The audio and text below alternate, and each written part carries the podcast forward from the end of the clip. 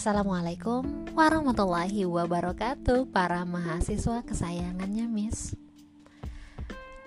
Senang sekali Miss Rasi bisa menjumpai kalian di podcast ini. Dengan mendengarkan suara Miss Semoga aktivitas yang kalian lakukan tetap juga memiliki nilai edukasi. Kali ini Miss Rasi akan membahas mengenai Human Resources Management for English Provider dan Misa ngesarankan kalian untuk membaca beberapa textbook.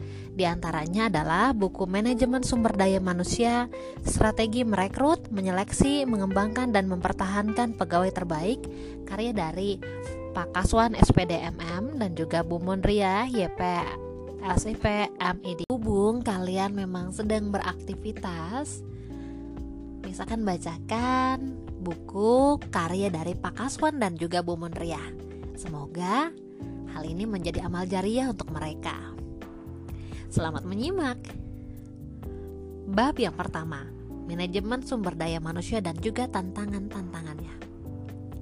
Kalian pernah mendengar nggak sih quotes dari Ken Blanchard? Ketika Anda memperlakukan orang-orang Anda seperti pemenang, mereka akan perlakukan pelanggan Anda seolah-olah mereka orang terpenting di dunia. Setiap organisasi dikelola dan diisi oleh manusia. Tanpa manusia, organisasi itu tidak akan ada. Tantangan, peluang, dan juga frustasi menciptakan dan mengelola organisasi kerap kali bersumber dari masalah-masalah yang ada kaitannya dengan manusia. Masalah-masalah itu pada gilirannya berasal dari anggapan yang salah bahwa manusia itu semuanya sama sehingga mereka dapat diperlakukan secara identik. Hal tersebut jauh dari kebenaran. Tak ada manusia yang sama persis, dan setiap orang berbeda, baik secara fisik maupun psikologis. Perbedaan itu seharusnya mendapatkan perhatian, sehingga setiap orang dapat memaksimalkan potensinya. Dengan demikian, organisasi dapat maksimal efektivitasnya dan demikian juga masyarakat secara keseluruhan dapat memanfaatkan sumber daya manusia secara bijaksana. Oleh karena itu, mengelola sumber daya manusia yang merupakan sumber daya yang paling vital merupakan aktivitas sentral dan strategis. Menurut Not dan kawan-kawan pada tahun 2006, Manajemen sumber daya manusia atau MSDM memiliki peranan kunci dalam menentukan survival atau keberlangsungan, efektivitas, dan daya saing suatu organisasi. Lebih jauh, praktek MSDM membantu mendukung strategi suatu organisasi dan memberikan customer value atau nilai pelanggan. Bahkan di era ekonomi yang memanjakan pelanggan, karyawan ataupun pekerja atau juga SDM tetap merupakan sumber daya nomor satu.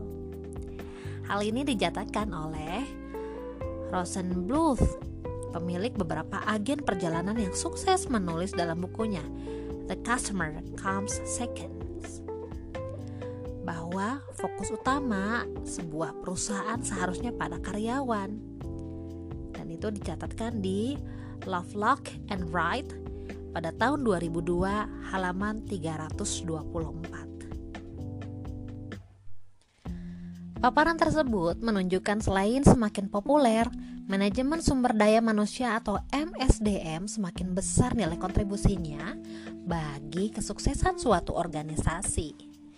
Kepopuleran itu bisa mengakibatkan kekaburan makna MSDM untuk itu, perlu ada pendefinisian arti MSDM.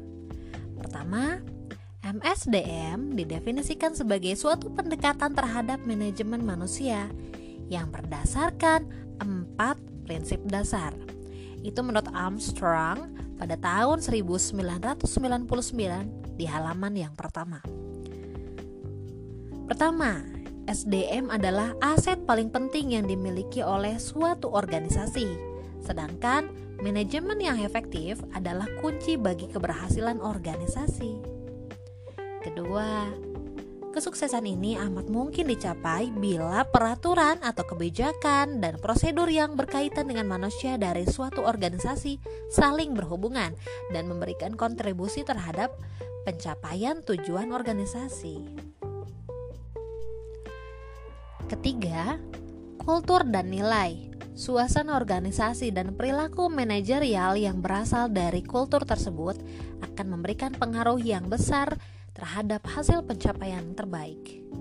Keempat, MSDM berkaitan dengan integrasi yang menjadikan semua anggota organisasi terlibat dan bekerja sama untuk mencapai tujuan bersama.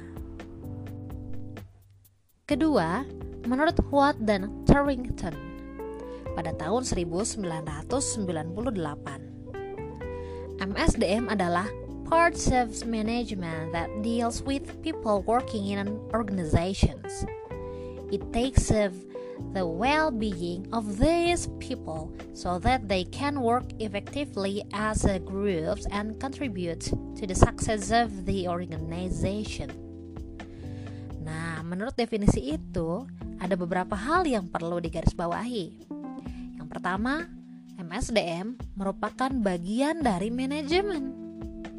Kedua, MSDM menangani orang, karyawan, pekerja, atau staf yang bekerja dalam suatu organisasi. Ketiga, MSDM menaruh perhatian kesejahteraan orang yang ada di dalam organisasi. Keempat, karyawan, pekerja, atau staf yang sejahtera diharapkan bekerja secara efektif sebagai satu kelompok atau tim dan berkontribusi terhadap kesuksesan organisasi. Ketiga, pakar lain Bernardin dan Russell pada tahun 2003 di halaman yang kedua menyatakan MSDM berhubungan dengan rekrutmen, seleksi, pengembangan, kompensasi, retensi, evaluasi, dan promosi pegawai dalam suatu organisasi. Nah, jika dicermati lebih jauh, definisi MSDM ini lebih banyak menjelaskan beberapa fungsi atau kegiatan MSDM. Yang keempat, No dan kawan-kawan pada tahun 2006 di halaman 5 mendefinisikan MSDM sebagai kebijakan, praktek, dan sistem yang mempengaruhi perilaku, sikap, maupun kinerja karyawan. Dari empat definisi yang diutarakan di atas, benang merah yang dapat ditarik adalah A. MSDM merupakan bagian dari manajemen yang meliputi antara lain perencanaan, pengorganisasian, pengarahan, dan lain-lain. B. MSDM menangani SDM, yaitu orang yang siap, bersedia, dan juga mampu memberikan kontribusi terhadap tujuan stakeholders. C. MSDM memperhatikan kesejahteraan manusia dalam organisasi agar dapat bekerja sama secara efektif dan berkontribusi terhadap kesuksesan organisasi. D. MSDM merupakan sistem yang mempunyai beberapa fungsi, kebijakan, aktivitas, atau praktek, di antaranya recruitment, selections, development, compensations, retentions, evaluations, promotions, dan lain-lain. Itu untuk pertemuan kita kali ini dan Mi sangat sarankan lagi untuk kalian membaca secara langsung buku karya dari Pak Kaswan dan juga Bu Mundria berjudul Manajemen Sumber Daya Manusia strategi merekrut, menyeleksi, mengembangkan, dan mempertahankan pegawai terbaik.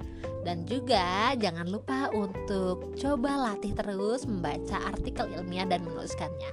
Tetap semangat, tetap bermanfaat. Assalamualaikum warahmatullahi wabarakatuh.